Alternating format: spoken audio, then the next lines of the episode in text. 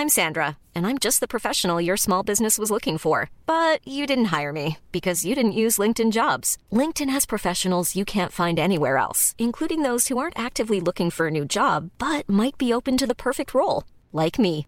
In a given month, over 70% of LinkedIn users don't visit other leading job sites. So if you're not looking on LinkedIn, you'll miss out on great candidates like Sandra. Start hiring professionals like a professional. Post your free job on linkedin.com/people today. It's that time of the year. Your vacation is coming up. You can already hear the beach waves, feel the warm breeze, relax, and think about work. You really, really want it all to work out while you're away. Monday.com gives you and the team that peace of mind. When all work is on one platform and everyone's in sync, things just flow wherever you are. Tap the banner to go to Monday.com.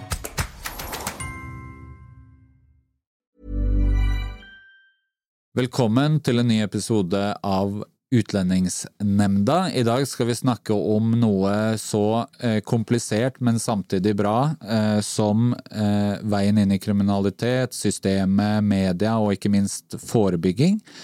Mitt navn er Marius Solberg, og med meg så har jeg fått Abbas Gulam, som er forfatter og tidligere sentralt medlem av B-gjengen. Jeg har fått med meg Belizio, som er nå skuespiller, rapper og tidligere medle medlem av barnevernsbanden. Og så har jeg med meg Jules, nåværende medlem av Utlendingsnemnda.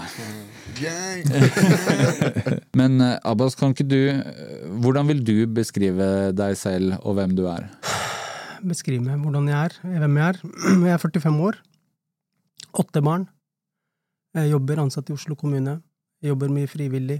Eh, verv. Flere verv. Og eh, studerer på fulltid dette semesteret, men egentlig på deltid. Så mer enn nok å gjøre. Ja. Åtte barn, eller? Åtte barn Ja, med ett er Får bli svett i panna av det. Ja, men det er bra. Det er, er med tre forskjellige, så hun er gift med nå, vi har tre barn sammen. Så Ja. på fem, seks og sju. Ja. Det er mer enn nok Ja. å ta i. Og du er da vokst opp Du er vokst opp på Tøyen og så flytta til Furuset?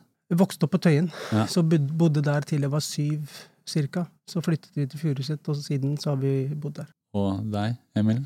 Kristiansand, Grim. Litt over hele verden. Sør-Amerika, Sentral-Amerika, også Spania. Men mest Grim, Kristiansand. Hvordan vil du beskrive deg selv? Jeg beskriver beskrive meg sjøl. Ja, Grim. Nei. Nei beskriver meg som en eh, livsglad type som er musikkinteressert, og som har vært gjennom en veldig turbulent vei tidligere, og som har lyst til å hjelpe andre. Så jeg prøver å gjøre som det er, jeg vet ikke om det blir kommunen, men vi holder på med et privatisert opplegg nå, med en ungdomsklubb, og prøver liksom å nå ut til de unge, og drive skrivekurs og beatkurs, og litt sånne greier. Det er jo, det er jo ofte liksom litt sånn slående at de jeg hører som snakker mest om ungdom, er folk som har på en måte vært en alternativ vei, eller føler at de må gi tilbake, eller betale for synder, eller Jeg pleier ofte å også å si at jeg liksom jeg har gravd et høl for meg selv tidligere, Mm. og jeg må bruke resten av livet på å fylle det med god karma. At jeg satser på at den dagen jeg forlater jorda, at jeg har kanskje liksom fått sånn slett, slett uh, fjerna hølet. trenger ikke å være så mye om deg sjøl heller. ikke sant? Det er bare Nei. mer at Da vet vi vi har vært der, vi vet hva som trengs, og hva som, som vi snakker om punktene vi skal gå gjennom, om, Mm. om hva som en ungdom trenger, og hva ikke de som ikke har opplevd det, det de ikke ser. da. Ja. For de kan komme fra, fra en utdannelse og tro at de forstår ungdommen, men kanskje ikke de gjør det helt riktig. Ja, det er viktig å dele erfaringer uansett, da. Hva vil dere liksom si er på en måte veien inn i det? Det er jo mange veier, da, men hva opplever dere er liksom den mest vanlige årsaken til at folk velger den ruta? Det er jo at eh, mange vokser opp eh, med noen behov som ikke blir fylt. Da. Mange mangler, og mange, blir, mange havner fort utenfor. Og ser inn, for eksempel i klasserommet, sånn som jeg følte at jeg ble havnet fort ut. Og nå måtte jeg se inn, jeg fikk ikke lov til å være med i den delen. Og det vokser på det, da. Utenforskapet blir jo større. Mm. Og det fører til at du søker likesinnede, du møter, møter andre mennesker, og på det så vokser du jo. Og så fører det til at du vil ha de tingene som andre har, da. Eh, og det baller seg på. Det blir større. Fordi det- du i boka så skriver du også mye om nynazistene som på en måte terroriserte dere i tillegg som Fordi det er det, det er det jeg skal fram til, at veldig ofte så snakker man om den ene faktoren, ikke sant, for deg det, men hvis man koker det ned og snakker litt generelt, så er det jo ofte en sånn eh, grunnleggende ting som du snakker om, en grunnleggende mangel som har ikke noe å si med hvor du er fra, eller etnisitet, eller alle de tingene som folk peker på, men at det er den derre grunnleggende tingen som gjelder alle mennesker, da. Definitivt. For meg så var det jo rasisme, som du sier. Jeg ble jo møtt på av rasisme ganske tidlig alder. Eh, som et barn, så barn forstår jo ikke Du skjønner jo ikke at eh, du er annerledes i hudfargen. Eh, så det tok litt tid for meg å forstå, for at jeg måtte gjennom flere episoder. Eh, men jeg hadde jo flere utfordringer, eh, med tanke på at jeg hadde eh, urdu som morsmål, da. Så jeg hadde jo utfordringer med språket, ikke sant. Det førte til at jeg måtte gå norsk toklasser. I dag så er det ikke så veldig mye av det, tror jeg. Men Ja, man har vel ikke det lenger? jeg tror ikke det. Nei. Men sånne ting fører jo til at du føler deg annerledes, og blir annerledes, sett annerledes på. Så de får ikke det samme dekt de, de grunnleggende behovene da, for et barn, å bli sett og bli hørt, og uh, for å være med i et fellesskap, ikke sant, og få tilhørighet. Da søker man andre ting. Føler du, Kjenner du deg igjen i det? Et utenforskap når det skapes, det er jo et symptom av som du sier, at noe ikke er riktig. Noe ikke er greit. Kanskje du føler deg utenfor på skolen, eller hjemme, eller, eller på andre plan. da. Men akkurat det at eh, hvis det hadde vært bedre hvordan skal jeg si det, mer ja, satt sammen, og at alle hadde blitt sett på hver og sitt og fått den oppmerksomheten, positiv oppmerksomhet, så hadde de ikke trengt å søke den oppmerksomheten negativt, som vi avisoverskrifter, komme på skolen med nye saker. Det var jo kult for oss. ikke sant? Mm. Det ble en stimulans av hele tida. Det forte egoet til den ungdommen som ikke ble sett eller hørt på det kreative eller positive. Så ja. Ja, litt sånn som du snakket om, det der med utenforskap, men at det ofte handler om å se og bli sett. Den følelsen at noen ser deg, og at det er jo på en måte litt sånn som du snakker om, at det derre å finne utløp i å tøffe seg og bli en tøffing som folk snakker om. Eh, tilhørighet, eh, eh, selvfølgelig, men også mestringsfølelse. Og jeg pleier ofte å si det der at jeg fikk det samme ut av graffiti som andre fikk av idrett. At når jeg snakker med folk som liksom gikk til fotballen eller gikk til ishockey, så snakker vi om det samme. Det der med å liksom bli Anne, Å, han er flink til noe. Eh, og de, ja, alle de samme, liksom. Å få anerkjennelse og bli kjent og, og det der å bli havne i avisa for å ha skåret masse mål, eller havne i avisa fordi du har malt en piece et sted som er oppsiktsvekkende, er liksom akkurat det samme, da. Akkurat. Oppmerksomheten, det er det. Ja, ja, du vokser jo på det. Ja. Eh, Mestring er jo veldig viktig for barn, spesielt for barn og ungdom. Da. kjennes så drøyt ut å si at kriminalitet, å være god i kriminalitet, handler om det samme som å være god i ishockey. Det er helt, folk reagerer veldig når jeg sier det. Men det er det, alle vil ha oppmerksomhet i alle aldre. ikke sant? Det er, det er mye det, det, det et menneske trenger. Det er kjærlighet, omsorg og føler at den blir sett og hørt. ikke sant? Og kan ja, bli snakka til. Det er det du vokser på, da. Akkurat. Så man trenger det. Om det er i negativ format, så er det jo mestring uansett. Så er det vel kanskje en sånn usunt mannsideal både på gata og kanskje ishockey, eller Mm. at det er jo Man søker jo en sånn machokultur, da. Det blir vel det at vi har falt utfor allerede tidligere, før idretten. ikke sant? Eller du følte ikke det passa for deg, så da finner du det andre som kanskje blir noe veldig mørkt eller veldig dystert, som blir kriminalitet og sånne ting. Prøvd alle andre ting, passer ikke for deg, eller kanskje ikke du har prøvd det som egentlig passer for deg, som, som å hjelpe andre, Mm. eller kunst. Kanskje ikke vi hadde mulighetene til å drive med kunst eller musikk eller foto. Så da blir det kriminalitet, ikke Ja, ja. sant? Ja. Jeg husker jo også at jeg var en, en liten periode i graffitimiljøet, og Mm. det å lage noe som ble anerkjent, da, eller blitt sett på, og du liksom fikk litt ros, så klart, du vokser jo på det. Mm, Det handler jo bare om at du Det handler jo egentlig bare om tilhørighet. Det handler jo bare om vennskap. Hva er det, hvis, hvis du ser tilbake på det nå, hva er liksom den røde tråden som som du liksom har gjenkjent, eller de faktorene som du har gjenkjent når du har blitt voksen? Nei, jeg tenker jo det Altså, mitt største, min største utfordring har jo hele tiden vært det med identitet, da. Og at uh, ikke klart å ta et ordentlig oppgjør med meg sjøl. At jeg alltid har sett på andre, men glemt at hei, det er jo jeg. jeg må først og fremst stå foran speilet, og så må jeg liksom jeg må gjøre, ta et oppgjør med han. Det har vært, vært min største utfordring, da.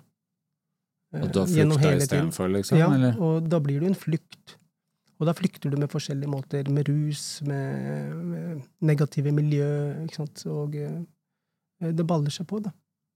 Blir alvorligere og alvorligere, og til slutt så har du glemt det, den uskyldige gutten. Nå er du plutselig skyldig. Kan dere huske liksom første mestrings, mestringsfølelse dere fikk av noe som var negativt? Det er vel tyverier. Små tyverier. Vi som har vokst opp med dårlig råd, alenemødre eller sånn, ikke sant, og ikke har hatt penger til å kjøpe godteri eller sånn på butikken. Jeg tror det var en sjokolade første jeg tok. Jeg husker jeg ble tatt en gang. Og da tok, uh, satt jeg hjemme og fikk kjeft, og mora mi skulle ta meg med på den butikken. Jeg skulle gå og gi tilbake og beklage. Så tegnet hun en trekant for meg, og det er den samvittighetstrekanten. ikke sant? At når du først stjeler noe, så kommer det en sirkel rundt. Og jo mer du stjeler, eller jo mer du gjør noe, så tar alle de, alle de hjørnene til trekanten og viskes vekk. Og til slutt så har du ikke noe mer samvittighet, som du sier. Da blir du den slemme, den skyldige. Så hun prøvde liksom å belære meg, da, men det funka jo ikke. Jeg måtte lære enda hardere på andre måter. Men jeg skjønner du nå i dag, det prinsippet, da. Ja, det handler jo om hvor du er, da, for at du skal forstå ting. Du kan ikke forstå noe midt i eh, et gjengoppgjør. Da er det jo andre ting som står på menyen. Ja, så er det jo også det derre eh, sånn eh, at når du har hvilepuls i en situasjon hvor andre hadde svimt av, da er det jo, det er jo for sent på meg, at du har flytta den grensa ja. litt og litt og litt, Mm. og til slutt så bare vet du ikke hvor den er, liksom. Helt sant. Vi kan ta en runde Hvem var deres rollemodeller som, eh, som tenåring? Hadde du noen? Ah, Jeg hadde ingen. Jeg hadde ingen. Ingen? Jeg hadde jo, jeg hadde jo lært det der hjemme Fikk jo lært mye, fikk mye gode verdier hjemme. Men det å respektere eldre spesielt, da, litt sånn kulturelt, og det tenker jeg at jeg fortsatt har med meg, men også respektere yngre. Så for meg så liksom det var sånn å vise Og vi så jo veldig opp til de andre gjengene som var eldre enn oss. Eh, Men det blei en kort periode, for jeg følte at jeg ikke fikk den eh, oppmerksomheten eller kjærligheten tilbake, da. Så det førte til at eh, de ikke ble mine rollemodeller allikevel. Eh, Det ble mer sånn Det var uklart for meg, så det ble skyggete. Så jeg måtte finne mine i skuespillere og eh, i skurker. Eller i rap. Jeg hørte mye på rap. Så det blir jo sånn at hvis ikke du finner noen gode rollemodeller der ute, så søker du andre, og du søker gjerne skurker, og du søker gjerne rappfigurer, moguler, som du liksom hører på, og ser opp til. For jeg også har vært sånn, jeg har alltid heid på skurken. Mhm. Men hva, hva gjorde at du føler tilhørighet med skurken? Der hvor Det an, de andre barna kanskje heier på helten? Ja, men det, jeg tror det handler om hvor du er, da. At alle disse følelsene som du sitter med, som du, alle opplevelsene, de negative opplevelsene. Hvis jeg kan skyte inn der at uh, vi har allerede blitt putta i den kategorien. ASUF-systemet, ofte mørkhuda på skolen. ikke sant? Blir alltid, selv om kanskje det er mange som bråker, så er det alltid du som får kjeft. Eller. Så du har allerede blitt putta i den kategorien som en skurk. Så Derfor er det lettere å føle seg assosiert med det mørke, da, med det onde. ikke sant? Alt det, Vi er bare et produkt av systemet. Vi er bare en gjenspeiling av hvordan systemet har behandla oss, og det er det vi, vi blir til. da. Ja. Jeg har kompiser som går rundt med AK- AK- ACAB på halsen, 1312, og det er det de lever for. Inn og ut av fengselet, inn og ut, for de har blitt putta inn til å være den personen. Så alle blir bare kategorisert, putta inn, og Ja, og tar på seg den rollen i samfunnet. Sånn som du sier òg, det derre følelsen på skolen at noen bråker i klasserommet, læreren snur seg. Ja, det er deg. Akkurat. Og så var det ikke deg. Ja, Og til slutt så bare Ok, hvis du presser det på meg, Mm. så må jeg bare bli det du sier jeg er. Akkurat, det er det. Og så blir det bare love sånn forsterkende. Det er det. Ja. Love attraction. Du blir det som de kaller det mange nok ganger, så til slutt blir du den. Veldig trist. jeg var, jeg var ikke støyredd student. Det var dritt i, på skolen og dårlig med lekser. Liksom. Jeg gjorde en lekse, og så la oss si jeg følte at jeg måtte gjøre det bedre enn alle andre. Mm. Så kom læreren min og sa ja, men du skulle ikke ha gjort mandags, du skal bare gjøre mandagsleksen, du skal ikke gjøre tirsdagsleksen. Fikk kjeft for det Og også. Liksom. Ja. Hva mener du? Sånn, jeg har gjort det jeg skulle pluss ekstra. Og så ble det sånn, ja, men ok, men da bare slutter jeg. Så jeg bare sluttet å gjøre lekser fra jeg gikk fra andre klasse til ut av videregående. Gjorde aldri lekser, for jeg tenkte fuck it. Så liksom, det er sånn hva de sier du gjør, så det blir jo det etter hvert. Og så begynner du bare å påvirke deg, påvirke deg, påvirke deg. Og uansett fordi jeg var den mørkeste i klassen. sånn. Mm. Uansett, så når de ser meg, så er det ja, ok. Johs har gjort det, men jeg har sikkert kanskje vært stille. Så er det sånn, ok, men siden du har sagt jeg har gjort det, så skal jeg begynne å gjøre det. Riktig. Ja, så det er de tingene der. Mm, Mm. Virkelig. Det er sånn, Hvorfor skal jeg ta skylden for det jeg ikke har gjort? Da bare velger jeg å gjøre det. Mm. Som at da er skylden i hvert fall sånn, når jeg kan ta pride over. Og så etter hvert så blir oppmerksomheten kult. Riktig. Det er jo sånn du får oppmerksomhet. Det er jo sånn du føler at du blir sett. da. Mm. Det blir jo en ego, det blir jo en boost. ikke Ja. sant? Hver gang du ser det. Jeg husker jeg tok jo ikke på bibliotek eller på skolebibliotek og skrev ut første Det snakka vi om på første, for, forrige Gateflammer.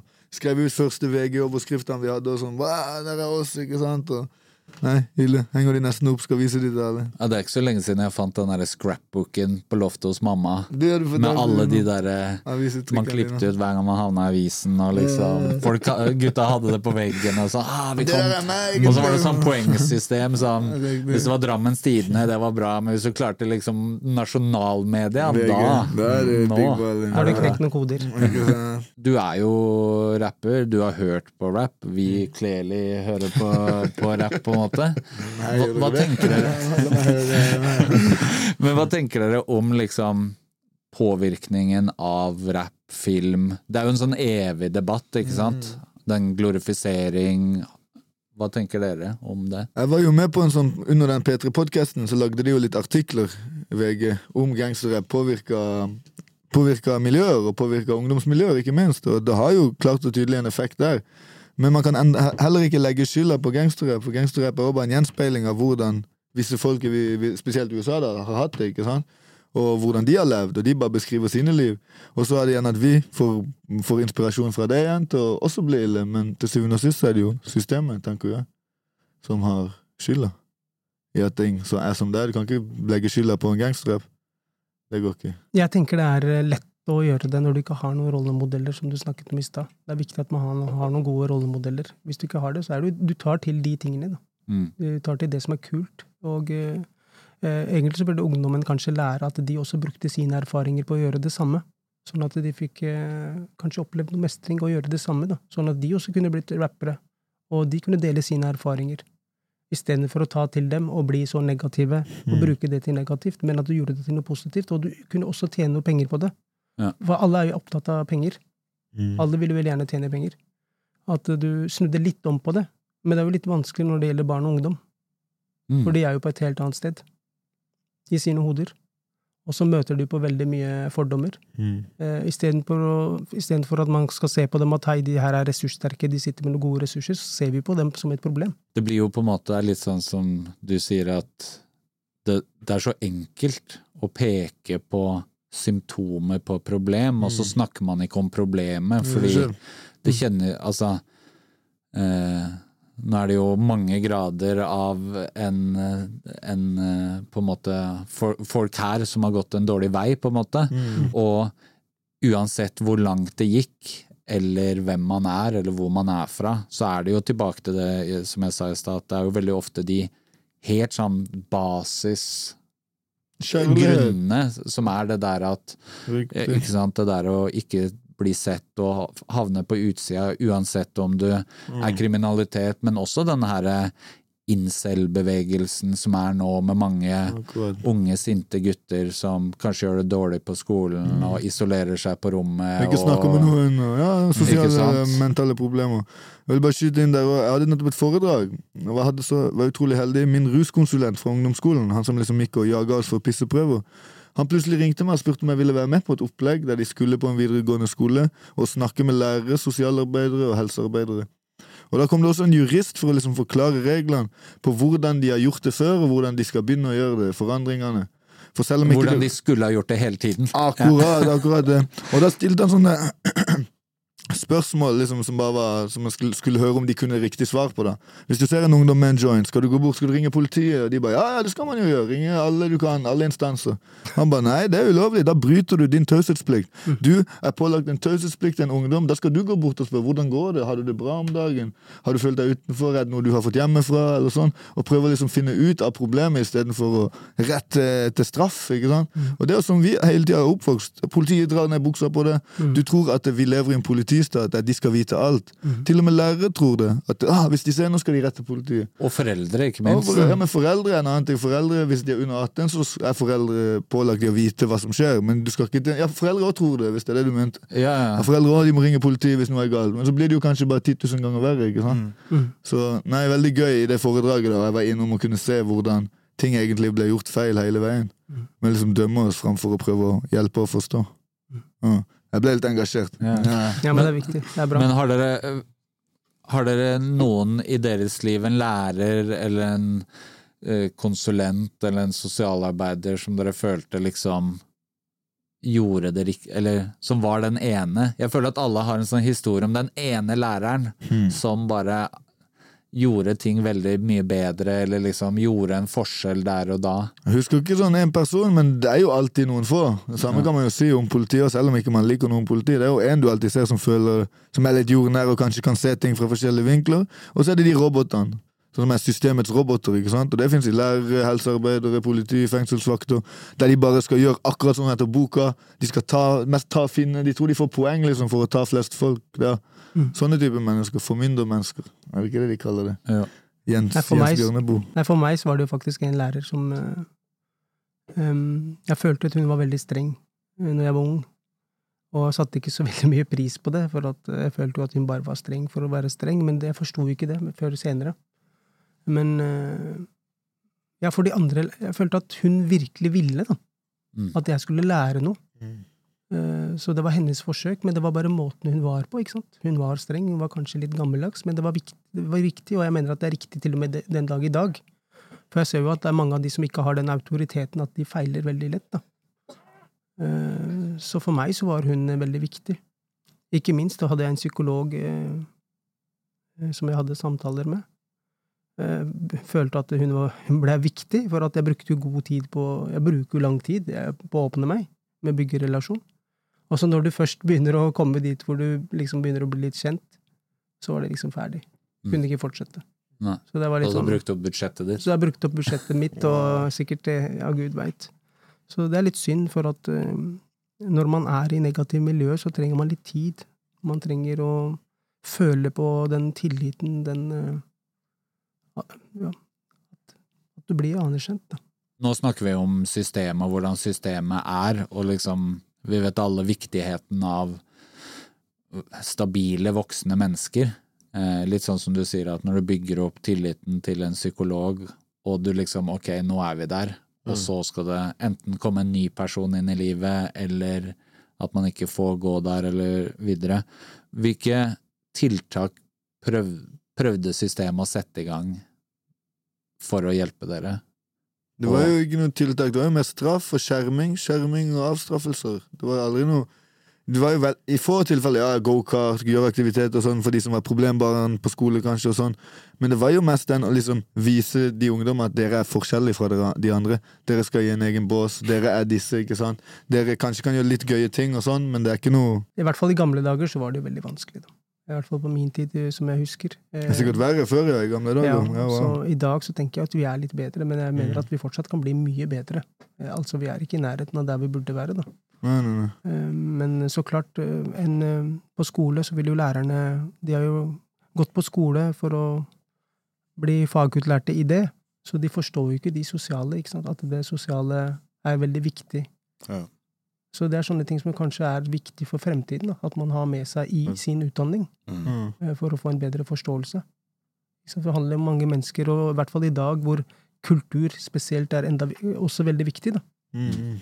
Eh, Og altså Det å ha kunnskap om de forskjellige kulturene, det burde egentlig vært et eget fag. skolesystemet er jo gammelt. Altså sånn, de har jo ikke end...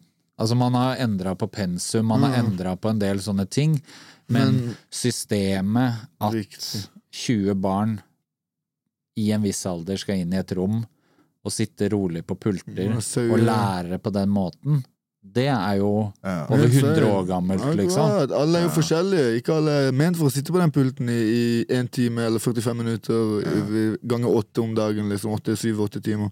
Det er jo helt feil. Og det samme det var det jeg så på det foredraget også. at det, det var jo helt likt fra når vi var små. Mm. Ingenting er forandret. De tar enda avstraffer og skal Mm. liksom ta deg. Du er en fangeinnsatt allerede i skolesystemet. Der de skal ut etter å ta deg mest mulig. Og de som kanskje ikke har det så lett, det er de som faller utfor, da, for de blir pressa inn til å Mm. bli den characteren. Ja. Det er helt sånn sykt, fordi de som er liksom faller utafor, så er det sånn for å vise at du faller utafor, så skal de putte deg i et grupperom. Mm. Og så skal du sitte nå alene med den voksne personen der, og så skal den personen sitte og se at du oppfører deg. Mm. Det er jo helt sykt. Ja. ikke Men det er flaks at du får kanskje Noen folk er flaks at de får en heftig assistent Akkurat. som sitter og forstår. «Ah, hyggelig. Mm. Vi går og gjør noe annet, vi går og Mm. leker, vi går, okay, greit, men du kan faktisk mye. Du er faktisk en atlet. Du kan faktisk lese, skjønner du. Men du trenger å ventilere deg først. Mm, mm. Komme og sitte. Ok, vi kan lese bok ute. Det funker for noen kids. Og så, så når jeg som jobber på skole, får det at de plutselig bare sender kids inn i et grupperom, og så skal jeg sitte der, og det er sånn Jeg ser ikke en ganske hyggelig, de er ganske stor og svær, så du sender meg til egentlig intimidate kiden og få hersketeknikken over og si hei, du skal sitte her, vi skal gjøre oppgavene. Når du har gjort oppgavene riktig, da kan du kanskje komme tilbake i klassen. Og hvis du ikke oppfører deg ordentlig i klassen, Mm. så skal du tilbake til grupperommet.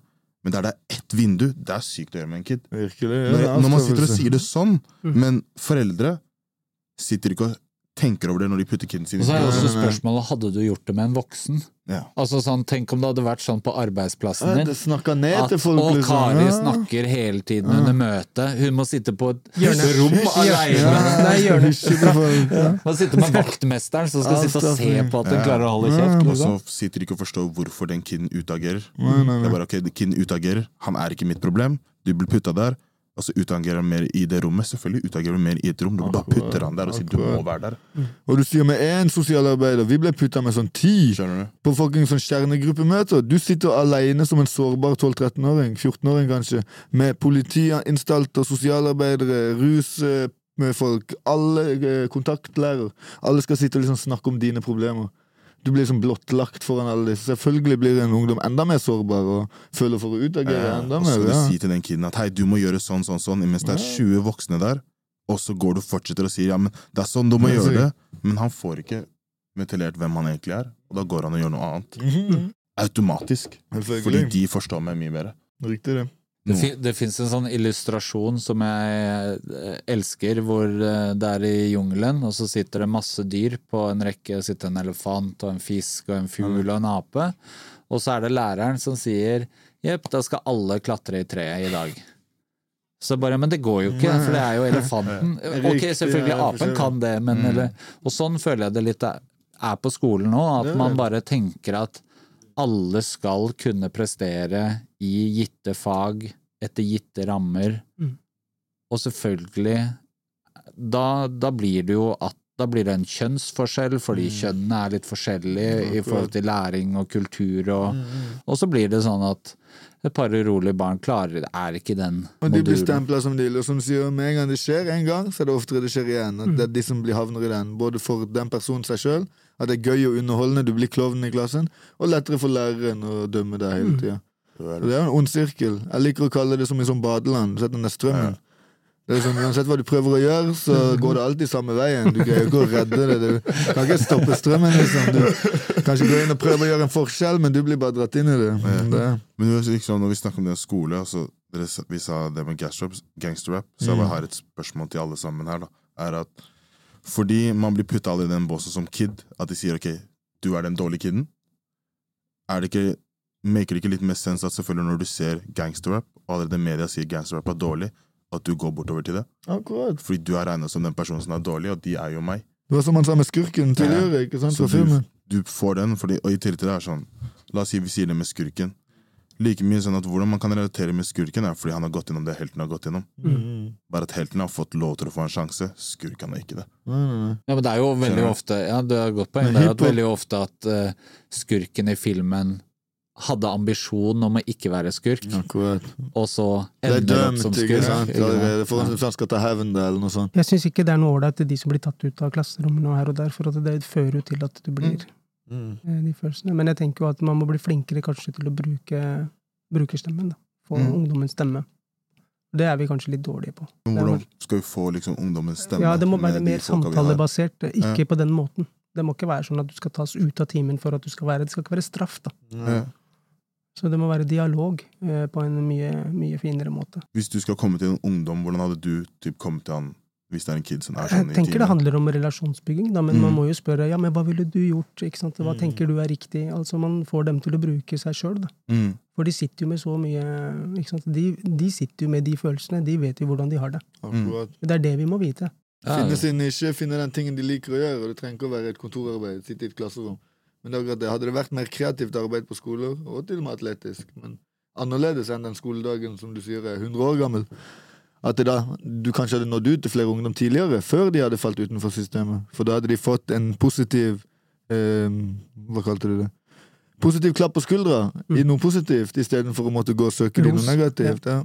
Nå har de vel også kutta ut en del sånn ikke sant, Sånn som du sa, vi har vokst opp med at folk som eh, hadde, hadde norsk som andre tredjespråk, de gikk i norsk 2-klasse, som er på en måte en måte å det, er jo en, det blir jo på en måte sånn Du er ikke god nok. Og det samme sånn når jeg gikk på ungdomsskolen, så hadde vi en egen klasse som hadde Det var skolebygget, og så bak skolen så var det en brakke som bare sto liksom på gressplenen, og der hadde Det var en problemklassen var der, da.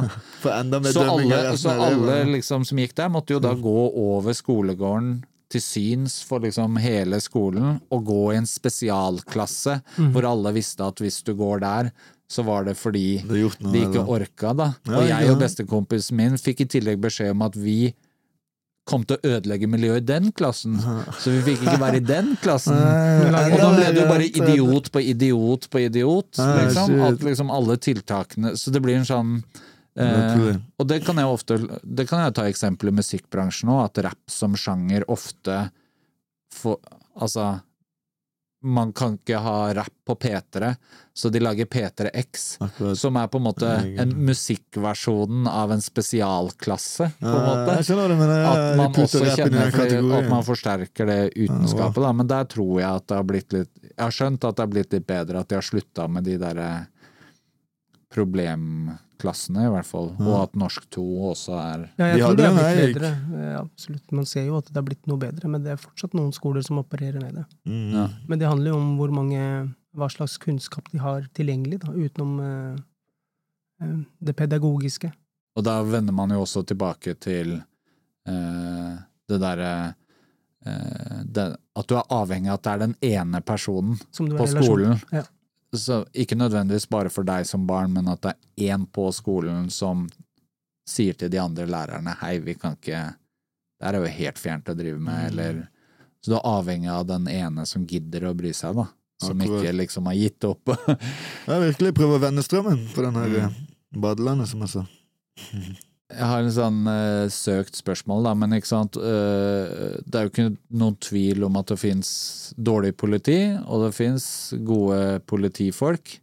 Eh, du skriver litt i boka i forhold til Eirik Jensen, som du liksom gir kudos i, i boka i forhold til ja, måten de jobba på, eller at de klarte jo teknisk sett å knekke de fleste miljøer i Oslo på den tiden. Men hva er liksom det Hva er den perfekte politimann? Jeg tenker i hvert fall at de, de mangler autoritet om dagen. Ja. Men det tror jeg også kommer av at de har noen nye prosjekter på gang, og noen nye enheter, og de har forstått at De har forstått i hvert fall det at det er viktig med relasjon, da. Og det er jeg jo helt enig i, men at man Jeg tror at man misforstår det konseptet med relasjonsbygging. Mm. At du må ikke være pusekatt for å bygge relasjon. Nei. Du kan være streng og ha gode rammer rundt, og det tror jeg de ikke har. For jeg føler at det er noe de egentlig ikke er så gode på. Eh, Så der trenger, tenker jeg at de må virkelig steppe opp. For du skriver det i boka at du syns de var for harde på din tid, og at de er for myke nå. Ja, For på min tid så var det jo så mange andre faktorer òg, og vi følte jo at de, sånn, de hadde litt sånn rasistiske holdninger. Vi blei strippa på gata, midt på. T-banestasjonen, satt i en bil, kjørte her på Grønland, du, stopp bilen, blålys rundt, av med buksa, av med ditt datt, og det, vi følte jo at det ble for mye. Sånn gjør de enda, mann. Det er enda, enda samme greie på Sørlandet Å, også. herregud. Det er helt crazy. Ja, det, det, da har vi ikke kommet langt, i hvert fall. Nei, Vi altså, fortsatt har fått juling på glattcella flere Ja, ganger. ja, Ja, ikke sant? Og det var normalt på den tiden, Ja. men jeg hører ikke så veldig mye om det i dag. Så Nei, det er litt sånn det, volden har blitt mindre. Hele Ja. brutaliteten har blitt mindre, men de De har enda samme, samme snake-teknikker og hele pakka. Mitt, det jeg vil si, det er at eh, de presenterer seg, som du sier, og bygger relasjoner. At de presenterer seg til ungdom på en helt feil måte. Kommer på skole, skal vise hvem som er sjefen, og vise at de er politi og sånne greier. Det finnes så mye sosialarbeidere som ikke trenger uniform. Vanlige damer som kan gå og ha disse samtalene med ungdommen. At ikke de skal gå og flekse muskler og vise liksom «Hei, det er vi som er the bad guys. Det blir jo nesten sånn. Og da igjen, det blir jo den feil, feil av skurken av det. Da føler jo du at du er the good guy. Hvis de må være the bad guy. ikke sant? Så da føler du for å gjøre mer sånn som den veien, fordi de er jo the bad guys.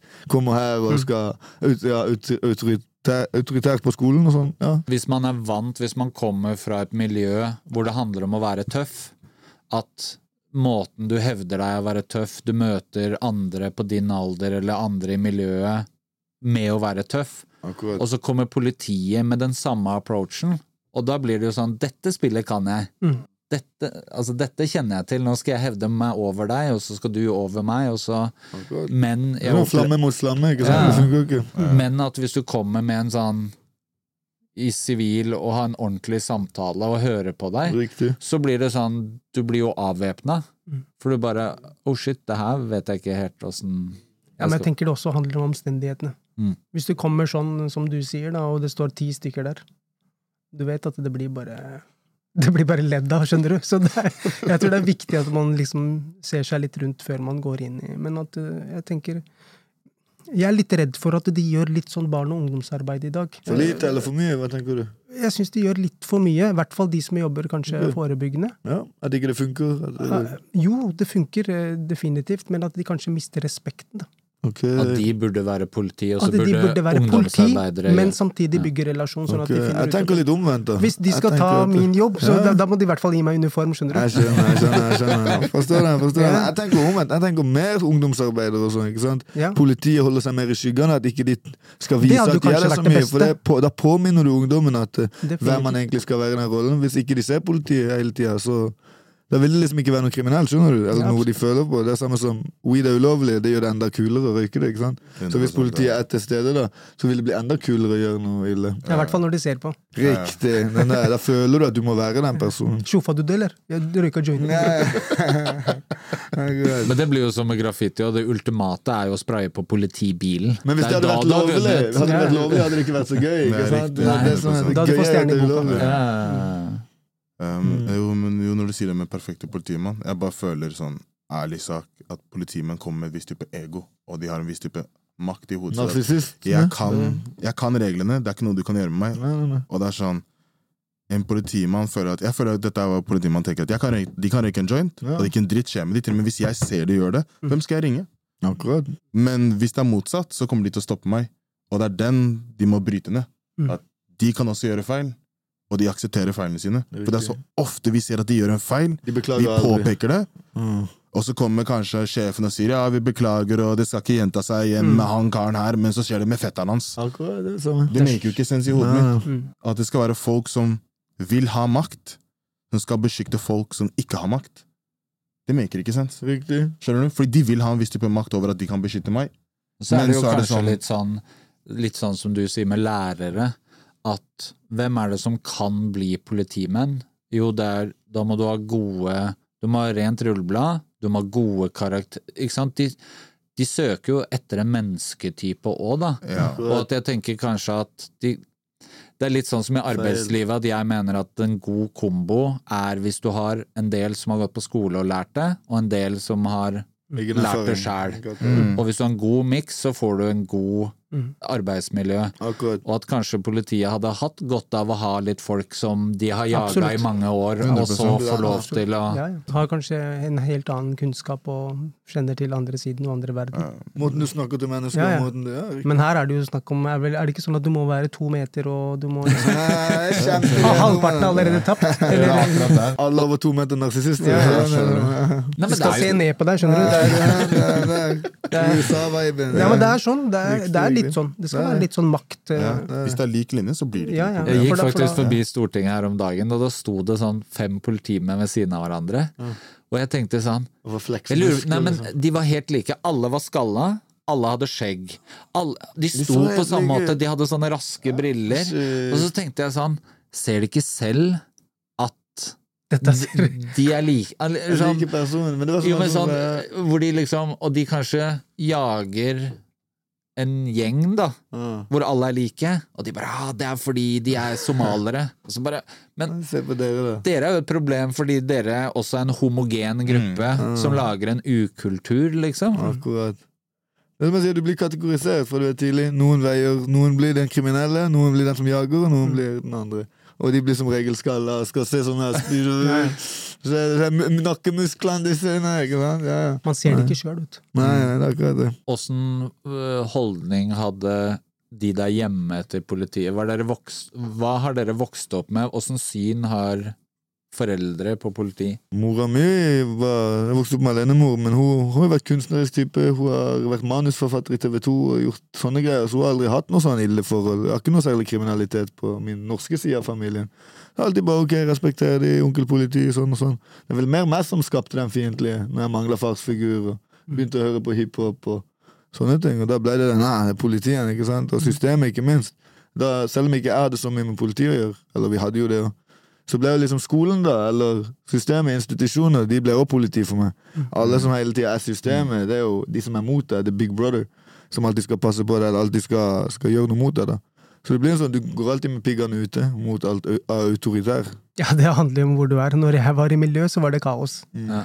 Vi hadde, vi hadde jo dem veldig mye på døra, og vi er jo flere, vi er jo seks brødre, så de kommer jo ikke inn. Vi lar dem jo ikke komme inn. Så eh, det var kanskje litt feil, for at foreldrene ble jo påvirket av det, og vi fortalte jo dem gjerne løgn, så de trodde jo at eh, vi alltid hadde rett. Unnskyld, Så egentlig så var det jo vi som danna det bildet de så, da. Mm. Så de hadde jo ikke noe sånn kjempegodt uh, sånn forhold til politiet, eller så ikke på dem som uh, det de egentlig burde hatt, kanskje. Mm. Men som sagt, våres feil. Men vi gjorde det for at visste man at en var etterlyst, så bare hei, hold dem, jeg stikker av bakdøra. Men hvordan starta det for deg at sånn Det var jo egentlig på grunn av hvordan vi ble møtt på ute. Ikke sant? Vi, ble møtt på, vi følte at vi ble møtt på med urettferdighet. eh, Sånn slått Riktig. og eh, bannet til og eh, løfta opp ned hit og dit og jagd og Vi, vi syntes jo det begynte å bli kult. Ja. Så noen ganger så ringte vi dem sjøl og sa at hei, nå er det full kaos på Furuset senter, dere må komme, det er krig.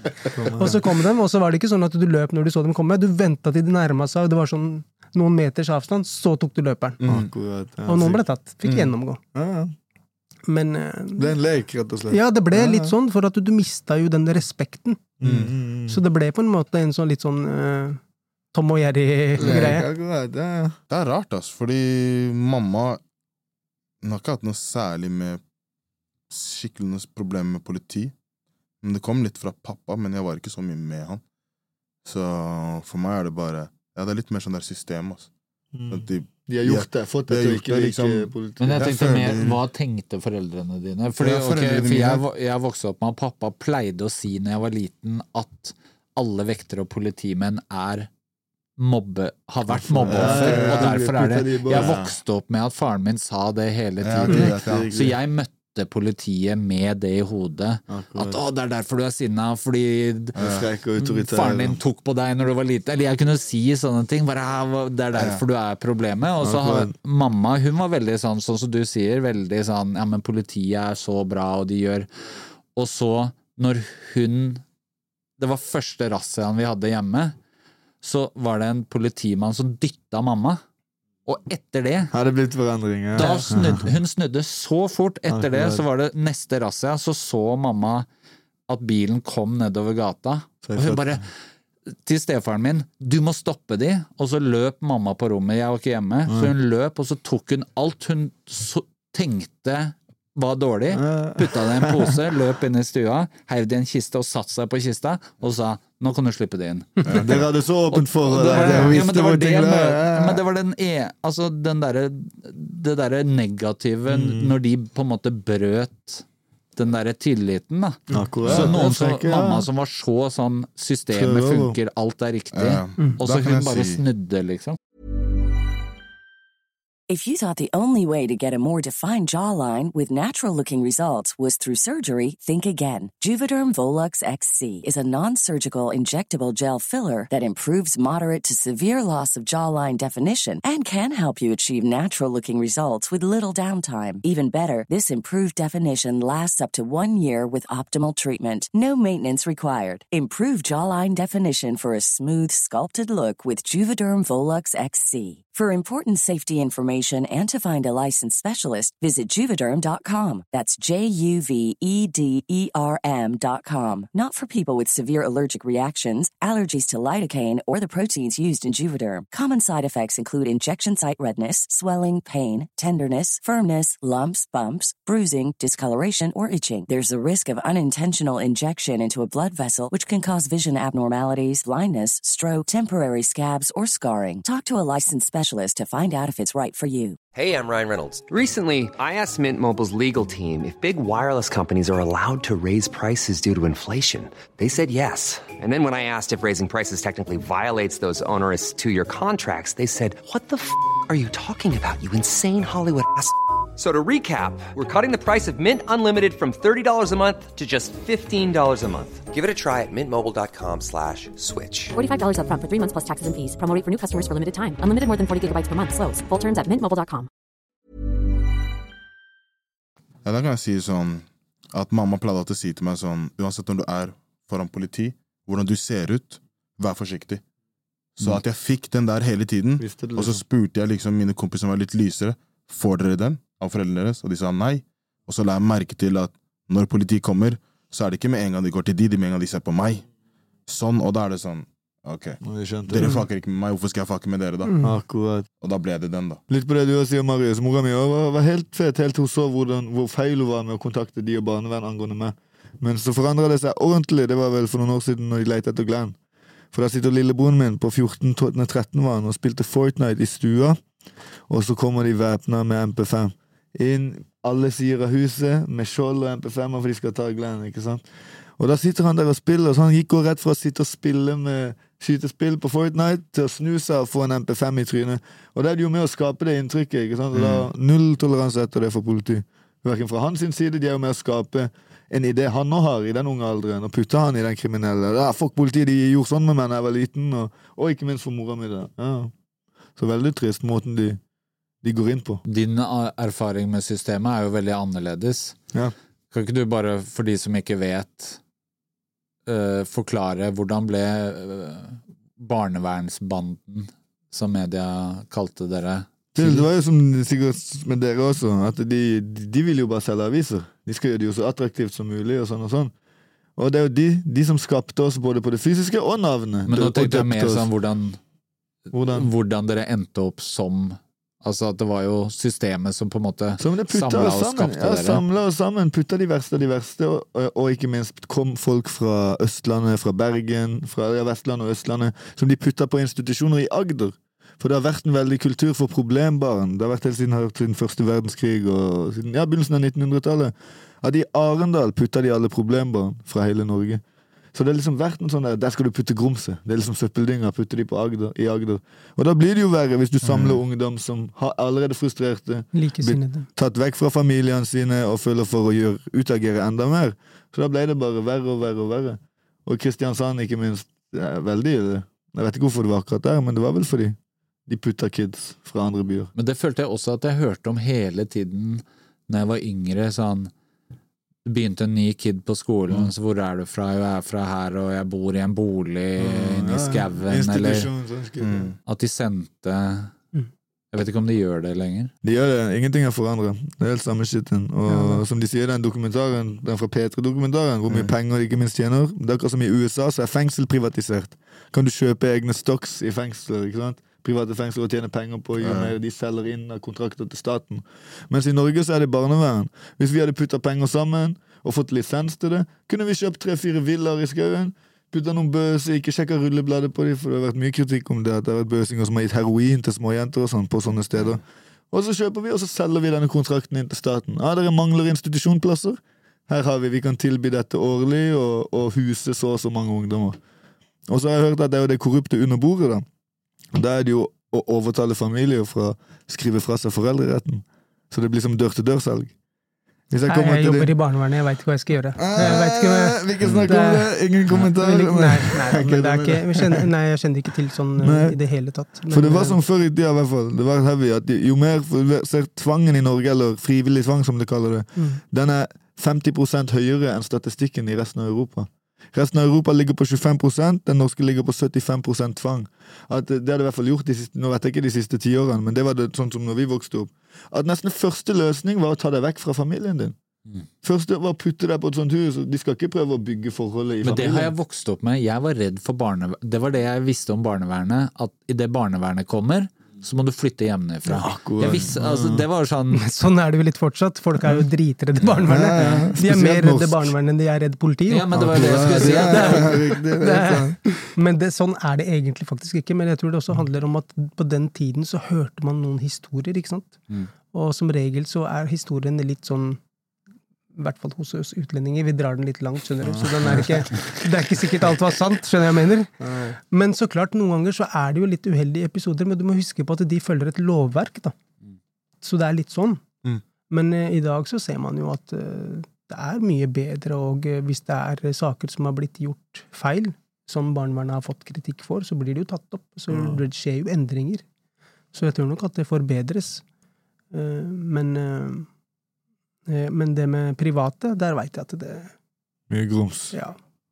Mye det blir jo ikke sant, hvem som helst eh, kan gå og eh, Eller ikke hvem som helst, da, men Nei, men nesten, ja. det er nesten lagt opp til at eh, det er mulig, da. ja, og det også leste jeg sånn at det er det som blir investert mest på i Norge fra utlandet og hedgefonds og de her eh, investeringsselskapene. De investerer i barnehage, private barnehager Mm. og private Institusjoner. Det er der du kan hente inn mest penger. Store. Flere milliarder i år i profitt. ja. Og, og hvor skremmende er ikke det? Jeg tror det var 33 000 dagen for å betale de ansatte rundt den. Og vi bodde, det var statlig, da, men det var 33 500 dagen i 2010 per barn som bodde på et sted. Hadde jeg Men det, visst det i min barndom, så hadde jeg valgt eh, i hvert fall det yrket. Ja. For, uh, Starte, valgte feil. Søkt lån og bare kjøpt masse institusjoner. Ja, skulle ha samla kidsa. Å, fy faen. Mange av de private stedene, mye av de budsjettene de har, det går jo bare i lomma til de som driver det. Så jeg husker jeg var i Arendal, da var jeg på besøk på sånn privathus, og da var det som han bodde under trappa som Harry Potter. Og han, han var en høy jamaiker, ikke sant? så han kunne ta med begge hendene i veggen. Liksom, han bare, se, det er så stort det er mitt rom. Så var det bare avlangt innover, akkurat plass til en seng, og plass til å gå forbi senga rundt det. Jeg fikk helt sjokk, og Der sov jeg på bakken da vi skulle røyke den kvelden. Så det var, var sykt. Det er, jo mye av problemet med å bo på institusjon er jo også at ikke sant? Hvis du skal tjene penger, så ansetter du ufaglærte, mm, og det er unge mennesker, og da blir det mange som skal dele, sånn at du som bor, hvis du bor der fast, da, Ja. så du, kan du være oppe i 40-50-100 mennesker i løpet av en gitt tid, som er inn og ut av livet ditt. Sånn at når du får den tilknytningen, så er det et nytt menneske og et nytt menneske og et nytt menneske, så du fester deg jo ikke til noen mennesker, da. Du ødelegger, ødelegger det sosiale, og ikke minst rotsystemet ditt. De du som forbildene du skal ha, og de personene som er rundt deg i livet ditt. Det er mange av de kompisene mine som har liksom vært inn og ut siden institusjonstida. Og nå er de tidlig, eller i slutten av 20-årene, og det det er jo bare en evig ond sirkel. Der de enda føler det er en katt og mus-lek, enda føler de er barn. Som bare leker med ah, litt på rømmen, litt inne, litt på rømmen igjen. Det er veldig trist. Hvordan var media forsterkende for dere med liksom B-gjengen? Nei, vi, de fleste av oss likte jo ikke media på den tiden, for vi følte jo at det var Vi følte at det var veldig mye negativ energi der. Og, eh, men noen av gutta syntes jo det var kult første gang de fikk eh, sitt bilde i avisen og eh, fikk be'ing i navnet Eh, så det kommer fra med, Det er jo medieskapt. Eh, men det fulgte jo med, da. Det, kom jo, det ble jo mer, og, men det kom jo også av hendelsen. ikke sant? Det ble jo alvorlige hendelser, og de kom jo som regel på trykk. Så eh, vi var veldig mot media, egentlig. Eh, Det gikk til og med så langt som at mange truet mange av disse journalistene og reporterne, og det tok jo helt av. Eh, For du følte jo at det ble skrevet ting som ikke var riktig. Riktig. Så eh, til å starte med, så Eller fortsatt, jeg syns jo media fortsatt er litt sånn, da. Det er jo det er jo en stormakt. De gjør jo som de vil. Det har vel også vært problemet i Sverige, det er en sånn diskusjon nå at med media er jo bare i de områdene når det er negativt. Mm. De er ikke der når Fanger noen øh, gjør noe, utmerker seg positivt, når noen har liksom Hvordan Jamal bemerker det, må, må, måten de legger frem overskrifter når det gjelder mørkhudede eller når det gjelder innvandrere. Ja. De tar jo vinkler de, de vinklene de sjøl vil. Det er ikke så mange som vil lese sånne historier, sånne fine historier, vet du. Nei, Abbas nei, ble nei, nei, lege. Ja, han, han, han hjalp en gammel dame i dag. Det er ikke noe Sånn, når dere fikk de der mediegreiene, sånn Jeg sitter og tenker på Hvordan var det å få akkurat det navnet? Sånn, de navnene bare ender opp med å bare claime det. Sånn, Ja. fuck it. Jeg husker det. er de, sånn er det. Og så bare går dere rundt og Riktig. refererer til andre folk når det er de andre folk som vil beefe med dere? Var det sånn det var? Det var ikke så mange beefene, alle frykta oss. Var sånn, de var de yngste. Ingen, ingen, alle kids på den tida de tok jo bare var på skolen. Og hvis vi kom på sånn skogsfester, så, så var det sånn folk bana vei. liksom. Mm. Ikke, ikke kødd med de, da forsvinner mobilen din, eller et eller annet forsvinner. Men når vi ble eldre, som du sier, det var jo med de eldre vi så opp til, og da ville jo vi matche de hvor gale vi òg var. Vel like harde som de eldre. Og vi hadde stjålet BMW. Inne på en hytte. Vi var under 15, så jeg kan enda snakke om det her. ikke sant?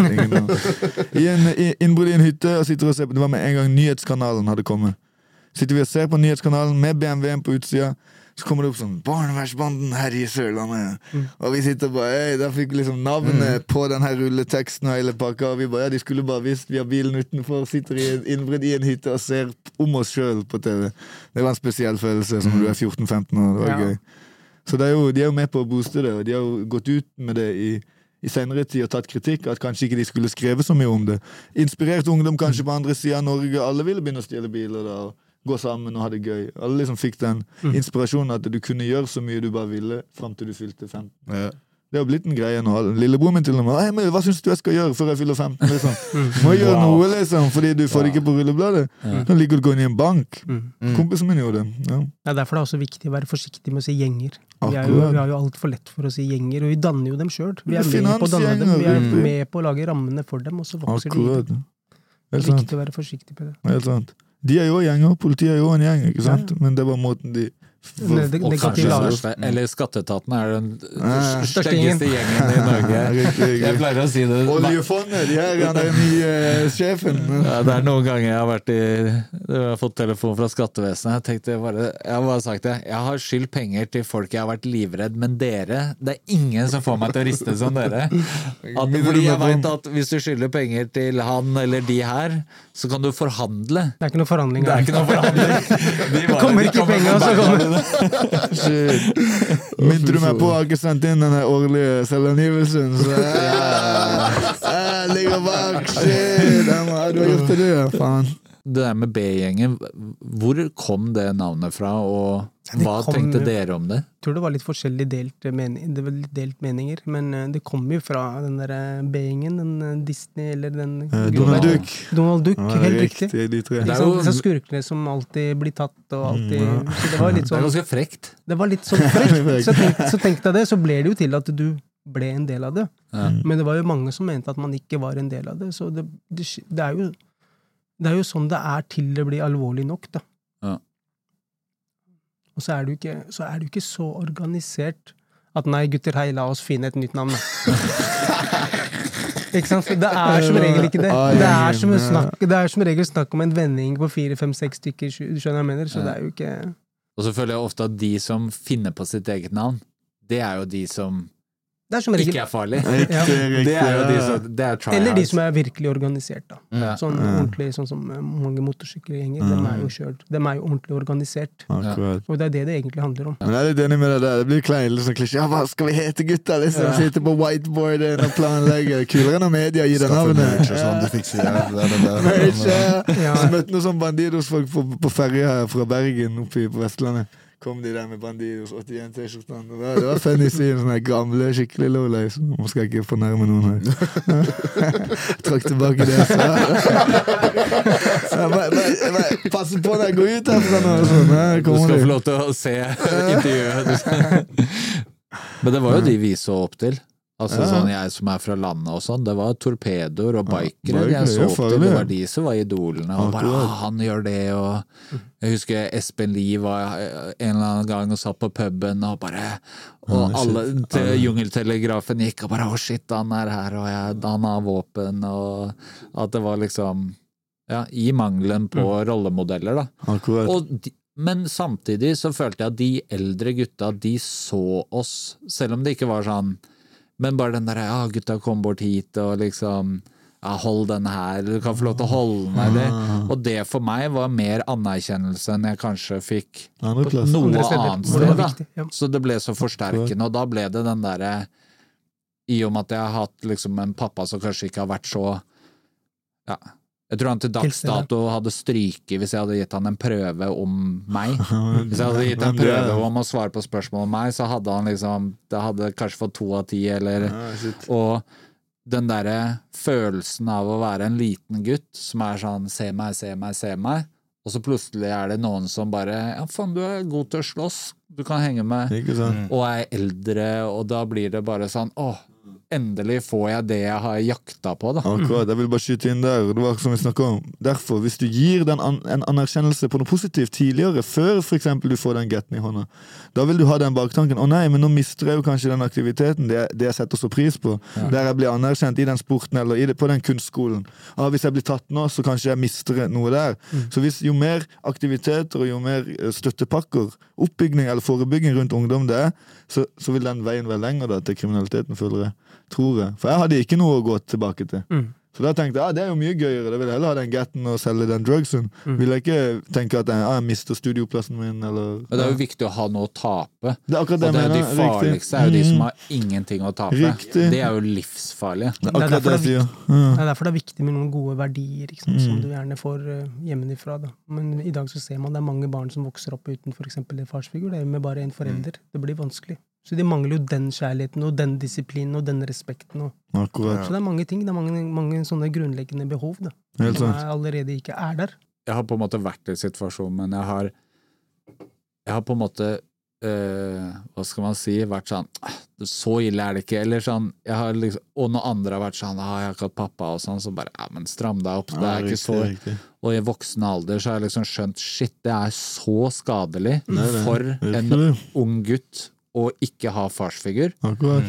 Og det er sånn, jeg gjorde jo intervju med Kamelen også, som eh, de har jo Han har jo kommet med den Si ingenting-filmen, som på en måte er en historie om en ung gutt som vokser opp uten pappa, og ender opp med å bli liksom rikskjendis for de tingene, da. Mm, mm, mm. Og jeg gikk inn i kinosalen og tenkte sånn ah, Skal du melke den historien? Ja. Og så gikk jeg ut av det og så tenkte jeg fuck. Sterk Det, historie. ja, men det forklarer jeg bare, ja, Vi har hatt flere samtaler sånn Fuck, så mye det har påvirka meg, og jeg har ikke innsett hva det gjør med unge gutter, da. Å ikke ha de derre Det er kjempeviktig. farsfigurene. Daddy Issues, nye singelen like Father Issues på Kendrick Lamar-albumet. Ja. Den har gått litt på rewind. Ja, hos også, Kristiansand. den traff meg, Ja, hitta litt tung. different, Ja, er den låta, virkelig. så jeg skal ikke Men også det der med når media overdriver og lyver. Eh, Jeg hadde et intervju med Don Martin hvor han snakket om at eh, at første gangen han så i media, han var 14-15, hvor media eh, overdrev en situasjon han var en del av, eh, og det kom på trykk, og liksom kunne lese voksne mennesker som løy om en tenåring. Wow. Og hva det gjorde med For det var da han på en måte mista uskylden sin, i form av at det der å føle at voksne mennesker lyver om deg Ja, gjøre ting verre. Virkelig. Jeg opplevde det på kjernegruppemøtet, sorry jeg hopper inn, men da var det der fikk jeg på svart på hvitt, skulle liksom skrive et sammendrag om deg som person. Emil, 13 år, er rusmisbruker. Hvordan kan du være en misbruker med 13 år? Jeg røyker kanskje hasj et par ganger i uka, og de putta det svart på hvitt at du var en rusmisbruker. Det er jo de med på å skape liksom den skikkelsen som du blir. Sorry, nå kan du fortsette. Nei, nei, men det, det var jo det jeg skulle fram til. At det derre Og du kan jo også ta noe så enkelt som at hvis, lærer, eller hvis læreren din eller foreldrene dine sier, sier at du gjorde det, og du vet med deg selv men jeg har ikke gjort det, mm. den, den Man kan liksom le av den følelsen, men det er ekstremt skadelig. Og når da, da politi eller media gjør det, så er det jo ekstremt skadelig. Kamerat som var på rømmen, da gikk det fra å være voldsmann på rømmen, så switcha de det om til voldtektsmann på rømmen. Bare for å være mer douchebags. Forstår du? De gjorde det. Ja, ja, riktig. Og det var jo en voldssak. Det var en grov voldssak der noe ble kjørt inn på en annen dude og sånn, ikke sant? Men, men det var ikke Folk forestiller jo at du har voldtatt ei jente eller gjort noe sånt, men de skrev bare 'voldtektsmann' på rømmen for å gjøre, høres enda mer dramatisk ut, og at folk ikke skal hjelpe denne personen. Og folk som tar avstand fra han og Riktig, sånn. Det akkurat. er ikke bare ja. avstand, det er jo konsekvenser. Da. Kunne sagt pedofil ble voldtatt med jern... Eller skjønner du, du kunne Ja. sagt hele historien, men de vinkler det som de vil. De gjør det. Jeg bare begynte å tenke sånn Shit, hva hadde jeg gjort hvis noen plutselig bare stempla meg med voldtektsmann. Og det er media i tillegg, liksom. ja Det også har du skrevet litt om. Hva tenker du er forskjellen på den moralkoden som dere har, og den moralkoden du opplever at folk har i dag, i forhold til eh, ja, rekruttering av yngre og en del sånne verdier da, som dere hadde. Jeg tenker jo det handler om de verdiene som jeg nevnte i stad. Det er hvordan du har lært opp, og hvordan du Altså, du har det med deg. For oss så var det veldig viktig at vi skulle skjerme de som var yngre. Mm. Alle barn og ungdom, hvis du så dem rundt der, så var det mer sånn kom deg hjem. Ellers så fikk du juling. Det var normalt å sparke dem, slå dem eller gjøre et eller annet, men så lenge du fikk sendt dem hjem, for at du skjermet dem på den måten, og beskyttet dem på den måten. Uh, kunne heller ha kjøpt noe godteri til dem, eller noe sånt, noe, hvis det var kult, ikke sant, og så hjem. Du skal hjem. Mens i dag så er det jo litt sånn åpne dører, hei, vær så god, det er jo Alle godtebutikkene er åpne, skjønner jeg mener. Mm. Og barn uh, elsker godteri. Så de benytter seg jo av det. Så det er, tenker jeg er litt synd, for at da mister man jo den derre Noe av de gode verdiene man har hatt tidligere i negative miljø, da. Altså, det fins jo positivitet. Men hvis vi tar bort det òg, så blir det jo bare verre. Hva føler du var bedre på din tid, og hva føler du var verre? Uff. Jeg tror ikke jeg har hatt noe godt eh, Jeg veit ikke hvordan Det er et stort spørsmål. Jeg føler jo kanskje det der med å sende yngre hjem er jo en Jeg tenker jo at det er en god verdi, men jeg tenker jo at det er sånn man var vokst opp. Det er sånn man har, vi vokste opp, da. Mm.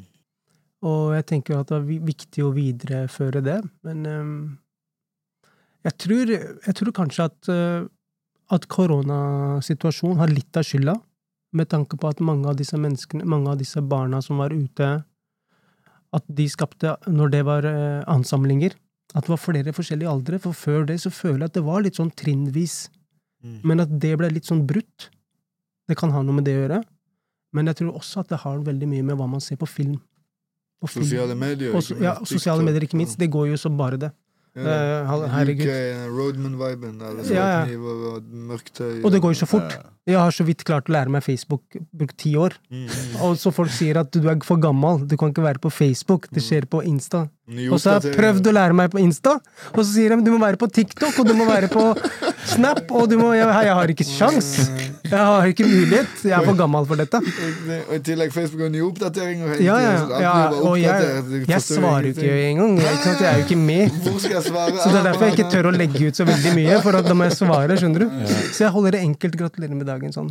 Men, tilbake til, eh, men tilbake til det greiene. Jeg tenker jo at det er eh, Ja, at det er eh, på en eller annen måte blitt brutt, både med tanke på disse kule filmene, ikke sant, altså kule skurkene, og så Der er det jo stor rekruttering. Ja. Men der snakker vi om at det skjer i liksom ekstrem fattigdom, det er noe ikke vi har. Eh, Så de relaterer seg med det, og så fungerer det for dem. Jeg tror uansett hvor bra du har, har det, liksom Du kan være fra Holmenkollen, men hvis du er å være outsider blant rike mennesker, tror jeg er like hardt, på en måte, fordi da er du i hvert fall utenfor. Hvis du er fattig blant rike, da er det jo verdt Altså sånn Bare se på Snabba Cash-filmen. Jeg skulle se på fake knapper og sånn. Ikke serien, Ja, men jo, jo, jeg skjønner. Ja, Men, men, men at man liksom Man er jo veldig kjapp til å forsterke at du har det egentlig ikke så ille, Mm. men at hvis du du klarer å forsterke den følelsen. Det er det jeg føler at mange gjør i Norge. Da, at man kan si den der ja, men vi har det veldig bra. Mm. Men hvis du er i en situasjon og du føler deg aleine og er utenfor, så klarer man jo negativt forsterke det til at det pris, nesten blir det Sett det ikke pris på er. det du har. Du har jo maten, du har kanskje senga, du har kanskje et varmt hus, men du har likevel ikke lykken. Den Mm. indre lykken, da. Hvis det var det du mente. Ja, nei, men òg liksom sånn På papiret så skulle jo Ja, skulle ingen av oss. Jeg tenker også det handler litt om Mm. klasser, da. Ja. Men at du ser jo at takknemlighet og tilgivelse er større blant de som ligger under streken, mens Ja. de over, da. Ja. Føler jeg. Ja. Og det tror jeg har litt med klasser å gjøre. At Ja. det er eh, den tilhørigheten. Og jeg føler jo ofte sånn Det også var litt viktig med å blande dere to. Mm. Altså en fra Kristiansand og en fra Oslo. Fordi eh, Og jeg fra landet og du fra Oslo, men du fra Oslo vest og du fra Oslo øst. Og det handler jo litt om det der med økonomisk klasse. Mm. At veldig ofte når jeg hører folk i Oslo snakke om sosiale problemer eh, eh, og liksom øst og vest og sånn, så begynner man å snakke om etnisitet eller de faktorene. Og så sitter jeg ofte og tenker sånn Jo, men det er helt likt der hvor jeg er fra, bare at folk er fattige Mm. i et annet sted, et annet miljø, et annet område. Akkurat. Men at det er ofte ja, klasse og økonomisk klasse som er den røde tråden, da, som gjør at noen fra Furuset og noen fra Indre Brumunddal bare Ja, jeg kjenner meg igjen i alt det du sier. Selvfølgelig så er det kulturelle forskjeller og kulturell bakgrunn, men, men, at den røde, liksom. men at den røde tråden er liksom økonomi. Økonomibiten, det er den. Vokse opp blant, eh, blant fattigere kår. Mm. Og med en, en forsørger, har mye å si. Ja. Ja, det er ganske Det lærte jeg faktisk på TikTok her om dagen. Sånn statistisk, hvis du er vokst opp med kun mor, så var det ganske Du er ganske Det er ganske dyster statistikk på selvmord, på kriminalitet og ganske mange sånne ting hvor jeg bare ble helt sånn Ah, Kjente hodet mitt kokte. Bare what the fuck? Det er som du sa i sted, det er jo noe som mangler, som du ikke vet hva. Ja. Som bare er tomrom. Ikke sant? Du har har ikke hatt noen til å vise deg den, den sida av det. Du har bare fått den. Ja, dere var jo ganske mange brødre. Det kan ikke Kaos, Moren din må Hun var jernkvinne. Jeg har tre små hjemme, jeg får det ikke til å gå rundt, mann. Det er, det er vanskelig, det er vanskelig, og jeg tenker at mamma har vært sterk, hun har vært flink. Hun er Seks stykker, gutter. Mm. Hadde det vært én jente, så hadde hun balansert det, skjønner du. Ja. Og eh, det er vanskelig når du vokser opp eh, i store familier, det er kjempetøft. Og liksom man må forstå hvorfor eh, barna gjør det de gjør, da. Hva tenker du om flus? Jeg vet ikke Har hva du jeg skal fått sett på serien, eller? Ja, ja, jeg skjønner jo Jeg kjenner jo Ja. Jeg har jo sett noe. Jeg har ikke fått sett de to siste. Men liker du serien?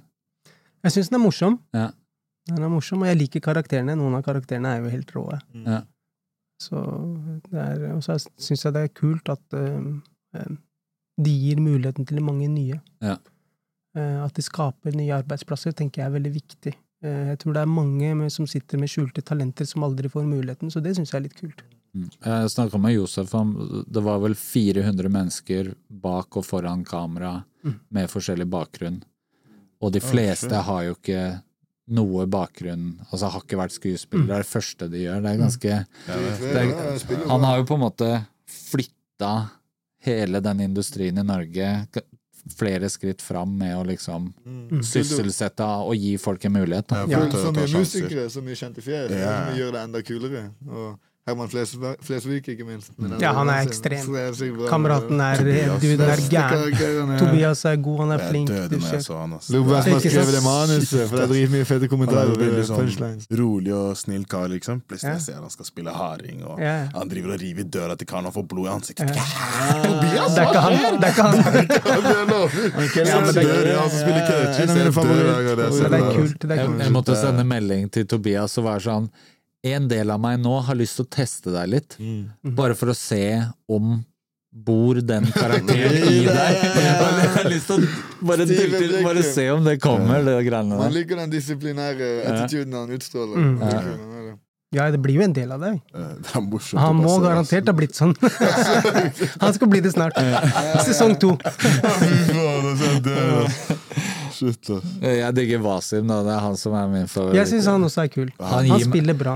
Han gir meg flashback til eh, 90-tallet. Ja, ikke sant? Er det han, han Irfan? Gjenglederen? Er- Nei, han lillebroren til lillebroren, eh, altså. Lillebroren, ja. Han som driver og skriker på Ja, For når han skriker- Jeg dør hver gang. Ja, ja. Når han, Han er skriker, da føler jeg at nå er er. Jeg får helt PTSD av han.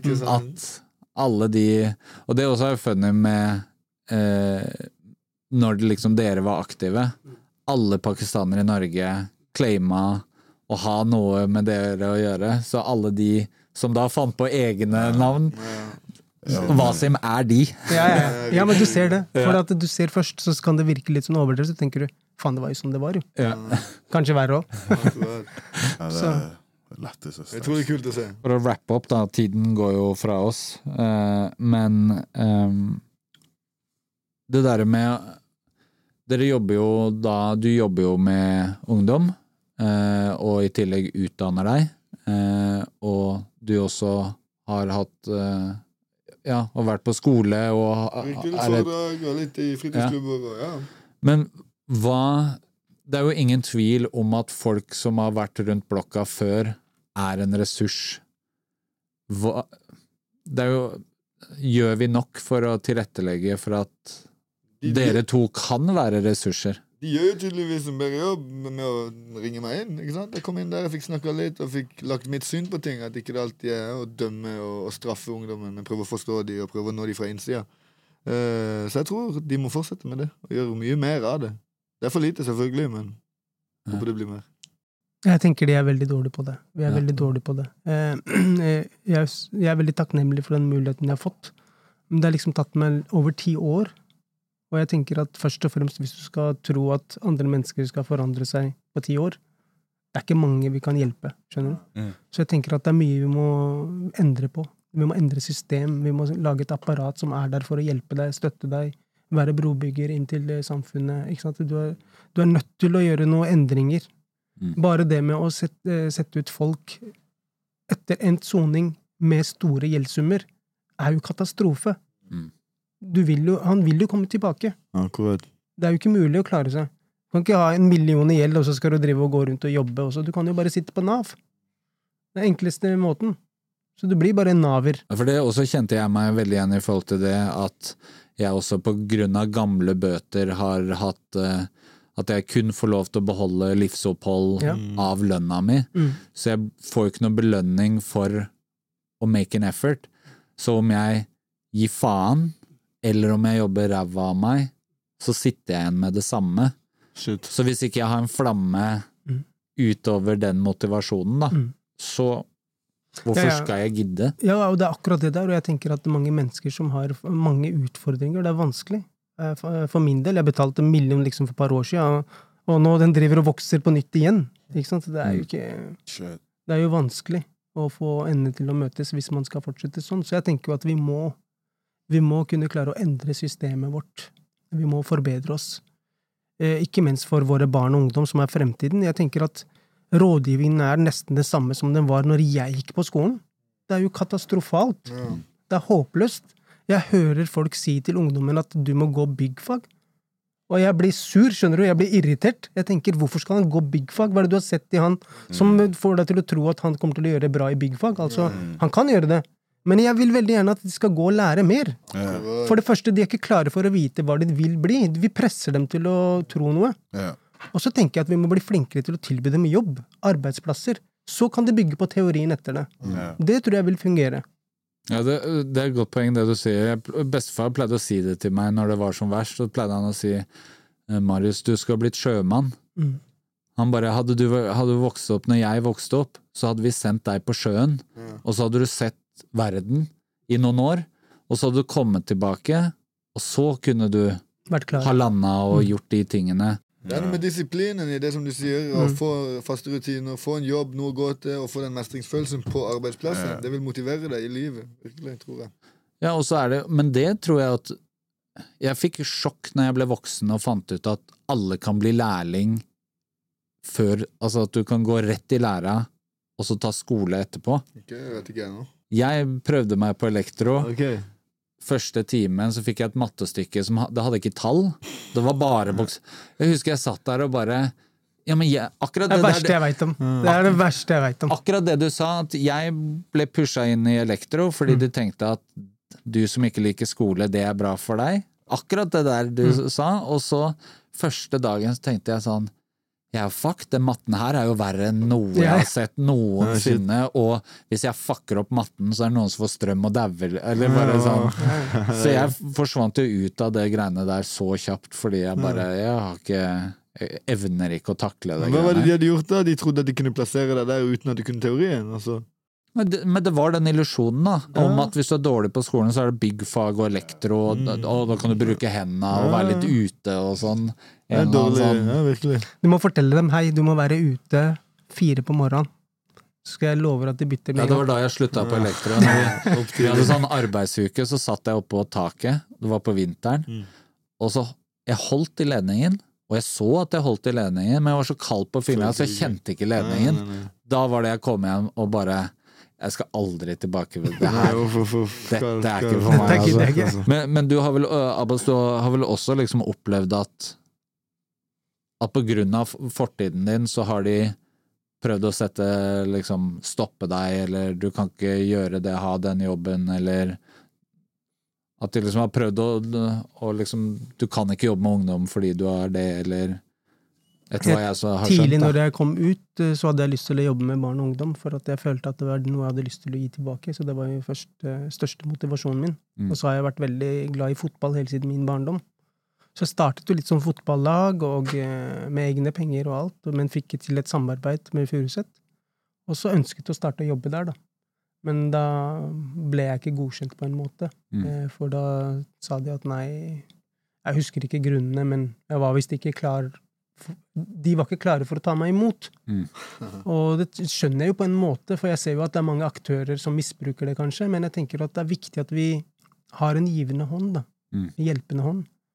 Eh, For at det er jo mange som sitter med mye riktig kunnskap som vi kan ta, få noe godt utbytte av. Eh, Og det er derfor jeg tenker at det er viktig med å få den muligheten, den sjansen. Mm. Og så kan du få en jobb, og så kan du bygge på Sånn som jeg går jo og studerer i dag, og jobber. Og det er kjempeslitsomt. Så jeg skulle ønske at det var mer tilrettelagt for min del, da. Men også for andre som skal gjøre det i voksen alder. For at du får jo ikke noe studentrabatt, akkurat. Nei.